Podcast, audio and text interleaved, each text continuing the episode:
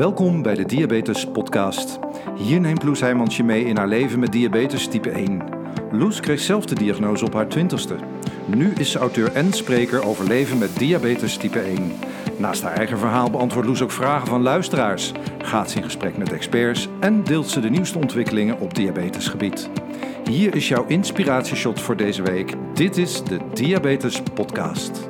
Leuk dat je er weer bent en luistert naar weer een nieuwe aflevering van de Diabetes Podcast. En mocht je nou even in verwarring zijn, eh, omdat je in de titel nummer 14 zag staan en denkt: hè, heb ik aflevering 13 dan gemist? Want aflevering 12 was toch die met Diabetes Plus en daarna kwam er dan nog eentje. Nee hoor, ik kan je geruststellen, aflevering 13 bestaat niet. ik uh, ben niet per se heel erg bijgelovig, maar ik ging uh, een volgende aflevering maken en ik dacht 13, dat vind ik zo'n flauw getal. En uh, nou, misschien ligt het een beetje in de achtergrond, ik heb de hotelschool gedaan en heel veel hotels hebben bijvoorbeeld ook geen dertiende verdieping. In de lift, die slaan ze dan over. Dus die gaan van 12 naar 14. En ik vond dat voor de Diabetes Podcast ook wel, uh, wel een mooie. Hup, geen ongeluksgetallen hier in deze serie. Dus we gaan vandaag gewoon lekker verder met aflevering nummer 14. En ja, het wordt weer een persoonlijk verhaal vandaag. Um, ik wil jullie namelijk heel graag meenemen in ja, eigenlijk waarom ik nu doe wat ik, wat ik doe. Waarom ik uh, voor deze weg heb gekozen. Waarom ik um, echt een diabetes missie heb en hoe dat alles is ontstaan. En nou ja, de, de allereerste oorsprong ligt natuurlijk um, bij mijn diagnose 28 januari 2004.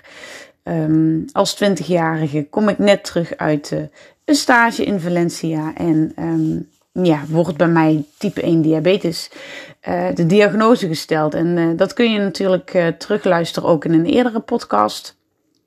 Als het maar geen diabetes is, heet die aflevering. Waarin ik mijn hele diagnoseverhaal uh, eigenlijk vertel. En um, ja, dat heeft me heel wat tranen gekost, die diagnose. Ik had uh, toevallig vandaag uh, werd ik geïnterviewd voor Vrouw Magazine van Telegraaf. Dat komt over een aantal weken komt dat uit, het magazine. En ik kreeg daar de vraag van wat, um, welke emotie overheerste eigenlijk in die eerste periode, um, ja, nadat je wist, nadat je te horen had gekregen dat je diabetes had. En um, ik moest er wel even over nadenken. Want voor mijn gevoel, um, ja, ben ik wel redelijk snel in de, ik kan laten zien dat dit dat, dat ik het kan, uh, modus geschoten. Hè? Dus van, uh, ook al heb ik diabetes, uh, niets of niemand zal eronder lijden. En ik zal het bewijzen dat ik, dat ik daar nog steeds van alles mee kan. Maar ja, die modus zal ik echt niet direct hebben gevonden. Want ik weet ook dat ik echt heel veel gehuild heb. Echt heel veel verdriet erom heb gehad. Dat um, mijn lijf me in de steek liet. Dat ik van opeens een gezonde jonge vrouw een chronisch zieke uh, jonge vrouw was. En dat mijn onbezorgde studentenleven in één klap um, ja, lang niet meer zo onbezorgd was. En um, ja, vaak als ik, als ik dan zo'n vraag krijg en denk, ja, hoe voel ik me toen? Kijk, dat is het fijn aan een dagboek. Dan, uh, dan check ik ook gewoon even in mijn boek van, goh, wat, uh, ja, wat speelde er rond die tijd? En um, ik wil vandaag gewoon weer eens even een, een klein stukje uit, uh, uit mijn boek met jullie delen. En uh, dit heb ik geschreven op, uh, op 28 januari 2005. Dus dat was exact een jaar um, na de diagnose. En het hoofdstuk heet Eerste Jubileum.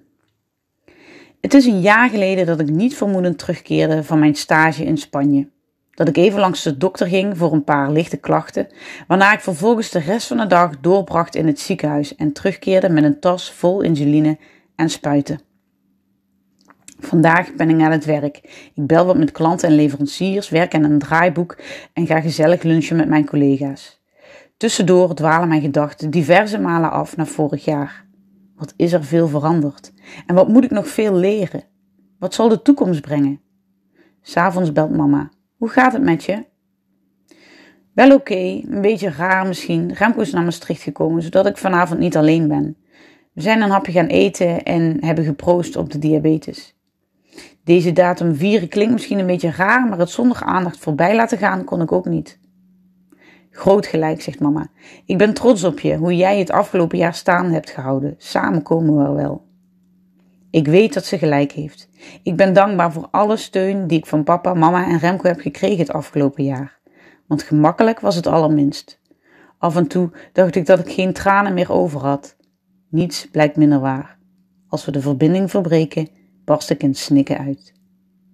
Ja, dus zo diep zat dat ook nog een jaar, een, jaar na de diagnose. En dat zal echt niet de laatste keer zijn dat ik tranen heb gelaten om, uh, om mijn diabetes. Ik um, ja, ben ook vanwege de mentale impact van diabetes uh, meerdere keren bij een psycholoog uh, terechtgekomen. En in het begin was dat heel erg uh, dat ik echt mij vereenzelvigde met mijn diabetes. Dus hè, als ik een, een hoge waarde had, dan was ik die hoge waarde en dan had ik gefaald. Uh, ik moest echt leren om, uh, om dat los van elkaar te zien. En um, ja, later kwamen daar ook nog wel een keer de, de angst voor, voor complicaties bij kijken. Dat je denkt van ja, uh, het kan nu allemaal wel, wel oké gaan, maar ja, altijd dingen die je hoort op uh, uh, radio, tv als het gaat over diabetes, dat zijn altijd van die, van die heftige verhalen. Um, ja, wat, wat staat mij nog te wachten? Wat, wat als ik zoveel schommelingen blijf houden? Wat, wat gaat er dan allemaal nog gebeuren in mijn lijf? Waar gaat het nog meer mis? Um, ja, dat, dat zijn wel angsten die ik ook echt heb gekend. En um, ja, ik ben een keer, ik, daar heb ik ook over geschreven in mijn boek, want die ga ik er ook nog even bij pakken.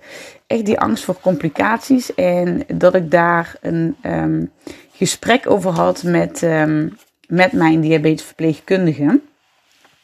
Um, dus ja, het was bij mij echt een beetje een, komen en gaan uh, van die angsten. Ik probeerde natuurlijk wel mijn HbA1c zo goed mogelijk te houden, maar dat, ja, dat lukte gewoon heel erg vaak niet. En um, op zich was het fijn dat ik nooit à la minuut heel veel last had van hypers.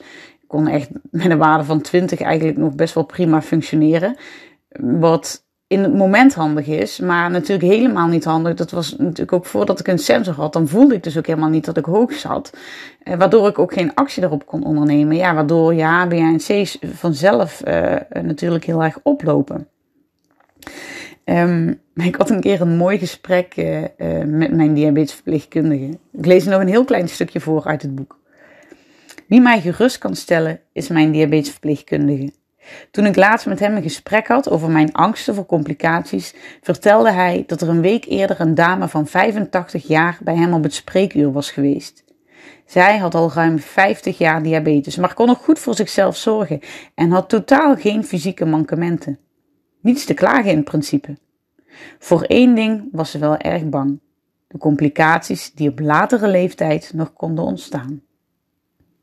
Nou, ik hoop dat ik zoals die mevrouw word. Dat ik straks 85 ben, dat ik dan 65 jaar diabetes heb en dat ik, nou ja, eigenlijk niet dat ik angst heb, maar wel dat ik kan denken: goh, complicaties, nou, die komen misschien pas op latere leeftijd. Dat is toch geweldig als je zo kunt denken als je 85 bent.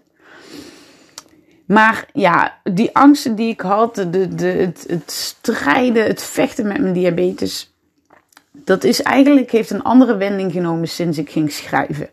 Ik uh, heb dus voor Gezondheidsplein een hele tijd uh, geblogd. En daarin merkte ik al, had ik echt een baaldag op diabetesgebied. En dan schreef ik dat van me af. En dan was ik het ook echt kwijt. Dan, dan waren de wolken in mijn hoofd, uh, de donderwolken waren dan opgetrokken. En dan, dan kon ik het weer aan, zeg maar. Dus um, nou ja, uiteindelijk zijn die blogs en, en alles wat ik al eerder geschreven heb... natuurlijk ook de basis geweest voor Doe mij maar diabetes, voor het boek. En... Um, schreef ik dat vooral voor mezelf, voor mijn verwerking.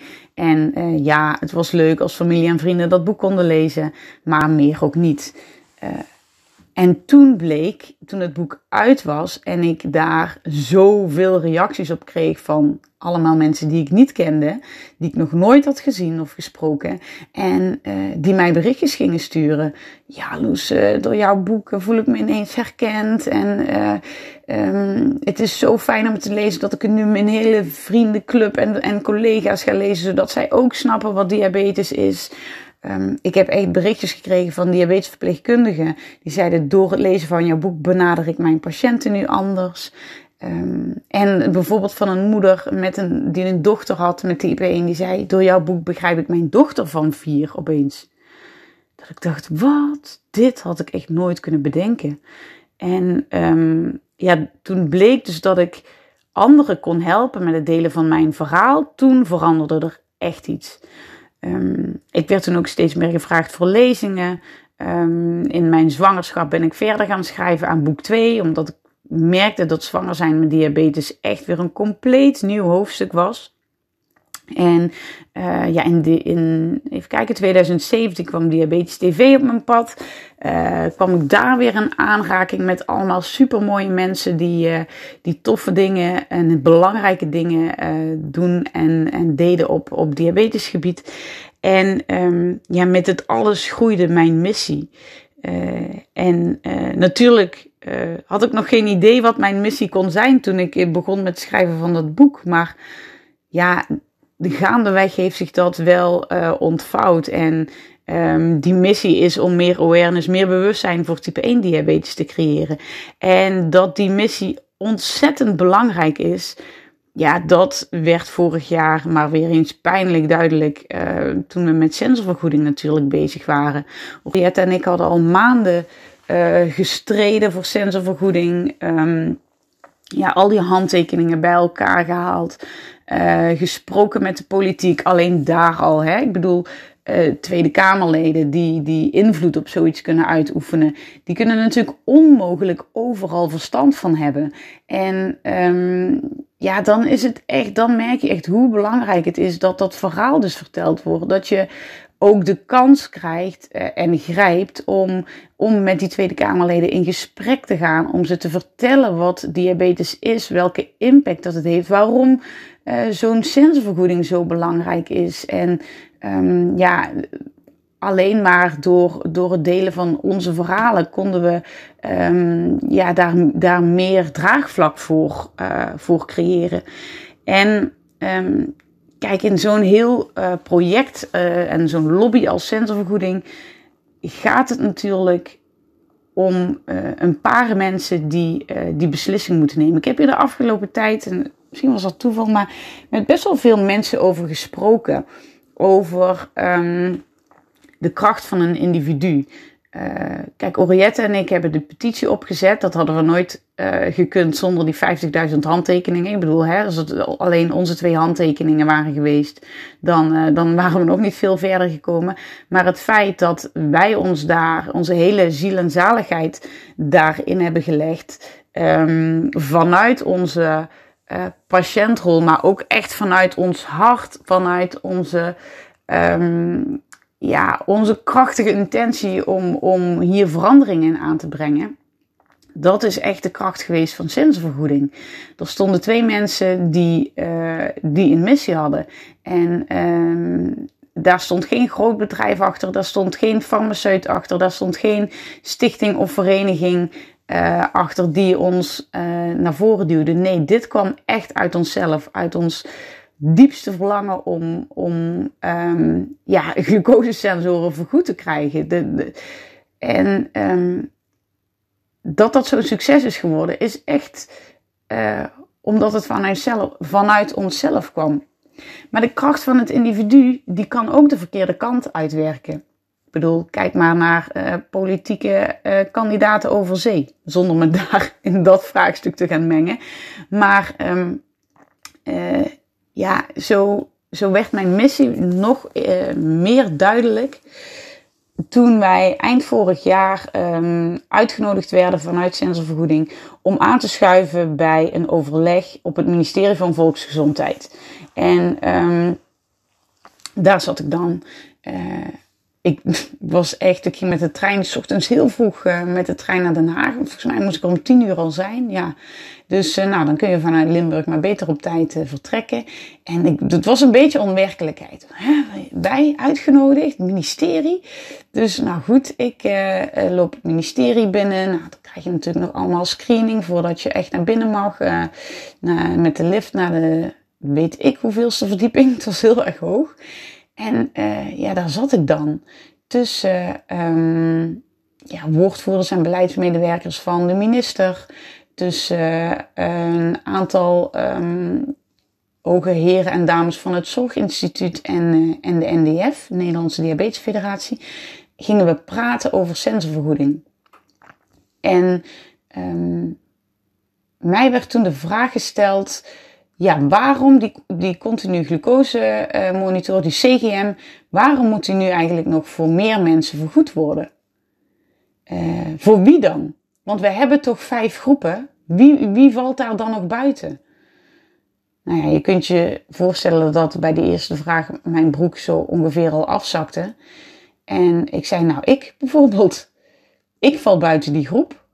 Um, dus, dus onder andere moet voor mij uh, die bredere vergoeding komen. En ik draag hem nu nog, omdat mijn ziekenhuis heel erg meewerkend is. Maar um, ik ben vannacht uh, wakker gepiept door mijn sensor, omdat ik een hypo had. En uh, als ik die sensor met alarm dus niet had gehad, weet ik niet of en hoe ik hier vanochtend had gezeten. Ik dacht, nou, dat is vast een verhaal wat indruk maakt, toch? Waarop de dame in kwestie uh, voor me zegt: Oh, oh, maar dan heb je hypo-unawareness. Ja, nee, dan, dan behoor je weer tot een andere groep. En ik dacht: Wat? Hoor je wel wat je zegt? Weet je überhaupt wel wat hypo-unawareness is? En nee, dat heb ik niet. Ik slaap gewoon s'nachts en daarom voel ik mijn hypo's soms niet. Soms ook wel, maar vannacht niet. En dankzij de sensor was ik er op tijd bij. Nou, en zo kreeg ik nog wat vragen naar mijn hoofd geslingerd Waar gewoon uit bleek dat deze persoon in kwestie, die nota bene werkte op de afdeling diabeteszorg van het Zorginstituut Nederland, echt 0,0 verstand had van diabetes type 1. En um, ja, als je het hebt over de kracht van het individu, dat kan dus ook negatief werken. Want als zij uiteindelijk degene is die moet beslissen, of die in een team met allemaal mensen die er hetzelfde in staan als zij, moeten beslissen over onze CGM-vergoeding, over onze sensorvergoeding. Ja, mensen, dan wordt het natuurlijk een lastig verhaal. Want als je niet weet wat diabetes type 1 is, ja, dan snap ik dat je ook de noodzaak van een vergoeding niet inziet. Nee, want dan zeg je, ga maar lekker even prikken. En we hebben toch vijf groepjes, behoor je niet in een groepje? Helaas, prik je toch nog even lekker verder de rest van je leven. Dus daar op verdieping XXX in, uh, in Den Haag. Uh, bij het ministerie, daar werd mijn missie alleen nog maar veel helderder en duidelijker. En het feit dat er nog zoveel winst te behalen valt. Oh, wat zou ik graag um, gewoon even een dagje meedraaien bij het team diabeteszorg van het Zorginstituut. En wat zou ik graag een vergadering bijwonen van de ronde tafel diabeteszorg. Niet bijwonen, maar actief meedoen om te vertellen wat diabetes type 1 is. Want die missie, die is er niet voor niets. Alleen, het is nog honderd keer belangrijker om die missie over tafel te krijgen bij de juiste mensen. Zodat die mensen kunnen, beslissingen kunnen gaan nemen die ergens op gebaseerd zijn. Die namelijk gebaseerd zijn op het feit dat je weet wat type 1 inhoudt. Dat je je realiseert hoe belangrijk uh, een sensor is. Ik, nou ja, ik kan hier, uh, mijn, ik merk dat mijn actiebrein uh, weer aangaat. En, en ik zou hier nog uren over kunnen podcasten. Maar ik wil jullie gewoon even vertellen hoe mijn missie is ontstaan. En, en hoe die vorig jaar ja, nog veel duidelijker is geworden. En um, ja, dat dit een, een route is die nog lang niet, uh, niet klaar is. Uh, dus ik blijf schrijven, ik blijf spreken, ik blijf media maken, podcast, Diabetes TV. En natuurlijk komt dit ook straks in Diabetes Plus uh, aan de orde. Als we daar alles wat er is op diabetisch gebied kunnen samenvatten. En ook samen met alle bedrijven, hè, alle stichtingen, fondsen, verenigingen, iedereen met de neus dezelfde kant op, namelijk meer kwaliteit van leven voor mensen met diabetes type 1 en meer awareness voor de ziekte, ja, dan moeten we toch onderhand een vuist kunnen maken tegen uh, alles wat uh, politiek of zorg of verzekering is en ons niet snapt. Dat moet toch kunnen, mensen. Nou, ik, het, ik heb het extra niet aflevering 13 genoemd, want dan zou ik misschien het ongeluk over mezelf afroepen. Maar ik weet zeker dat als we er samen de schouders onder zetten, dat dat kan. Dus dat wilde ik vandaag heel graag even met jullie delen. Hey Loes, zat er nog iets leuks bij de post deze week? En ja, er zit ook weer wat bij de post. Maar deze keer is het een vraag van mij aan jou. En um, ik wil hem gewoon nog heel even graag terugpakken naar Diabetes Plus. In aflevering 12, heb je die nog niet geluisterd, ga hem even checken. Maar vertel ik samen met Cas alles over het ontstaan van um, ja, het initiatief van Cas om uh, Diabetes Plus de wereld in te roepen. Wat Cas, Wietske en ik nu, uh, ja, waar wij al het hele jaar mee bezig zijn. En um, ja, we zijn nu op het punt dat we echt grote stappen gaan maken. En dat kunnen we niet alleen. Ik doe in die podcast ook een oproep uh, voor hulp. En dat wil ik hier gewoon nog een keertje doen. Um, ja, wij hebben vrijwilligers nodig. Zo simpel is het. We kunnen niet samen alle content maken, al het online beheer doen, alle social media kanalen bijhouden, alle foto's, video's, wat al nog meer. Um, dus we hebben uh, in die zin uh, hulp van vrijwilligers nodig. Maar ook als je je verhaal wil delen. We gaan straks wekelijks webinars doen. We gaan QA-sessies doen. Um, als je zegt van nou, ik, uh, uh, ik kreeg op mijn dertigste die diagnose. Ik was toen net bezig om zwanger te worden. En ik wil uh, dames die in zo'nzelfde positie zitten uh, helpen met mijn verhaal. Of als je zegt, nou, ik was 50 toen ik de diagnose kreeg. Iedereen dacht dat het type 2 was, maar het bleek toch type 1 te zijn. Ik wil mensen inspireren met mijn verhaal. Of als je zegt, ik was tien toen ik de diagnose kreeg. Mijn hele puberteit moest nog komen. Dat was voor mij een enorme struggle, maar ik heb het gered. En ik wil mensen uh, meenemen in hoe ik dat heb gedaan en uh, anderen daarmee helpen. Ook dat soort verhalen, daar zijn we allemaal aan op zoek, omdat het voor, door en met mensen met type 1 diabetes is. Dus voel je je geroepen om hier een bijdrage aan te leveren, dan mag je mij een DM sturen op Instagram at loes.doe Je mag me mailen info.loesheimans.nl of je mag ook rechtstreeks naar Cas mailen, die momenteel een lijst aan het maken is van, uh, van alle vrijwilligers, die we ook uh, meteen op de hoogte gaan houden van alle vorderingen die we maken. En dat is naar cas.diabetesplus.nl. Ehm, heb je die e-mailadressen gemist? Alle podcasts staan ook op mijn website www.loesheimans.nl en daar zet ik de e-mailadressen ook in, zodat je makkelijk door kunt klikken. Dank je wel alvast. En als toetje een gedicht van Bitter Zoetje. Nou, en deze is dan maar speciaal voor de mevrouw die dacht dat ik hypo-unawareness had, terwijl ik gewoon een nachtelijke hypo had. Komt-ie. Ik sta op met flinke hoofdpijn en een droge mond. Het leek wel alsof ik vannacht op de dansvloer stond. Maar niets is minder waar, ik ben echt niet uit geweest. Ik had een nachtelijke hypo. En diabetes is geen feest dat je het maar even weet. Maar we kunnen er wel een feestje van maken. En dat uh, doe ik dan ook maar al te graag door me gewoon te omringen met allemaal leuke mensen, ook op diabetisch gebied. Uh, omdat uh, gedeelde smart halve smart is, toch? Nou, dit was aflevering 14 van de Diabetes Podcast. Vond je het leuk? Dan ga even vooral volgen. Maak een screenshot en deel het op Instagram. En uh, tag mij vooral, want ik vind het altijd heel erg bijzonder om te zien uh, wie er allemaal luistert. En, uh, en natuurlijk ook om je reactie te horen. Dankjewel voor het luisteren en heel graag tot de volgende. Dag!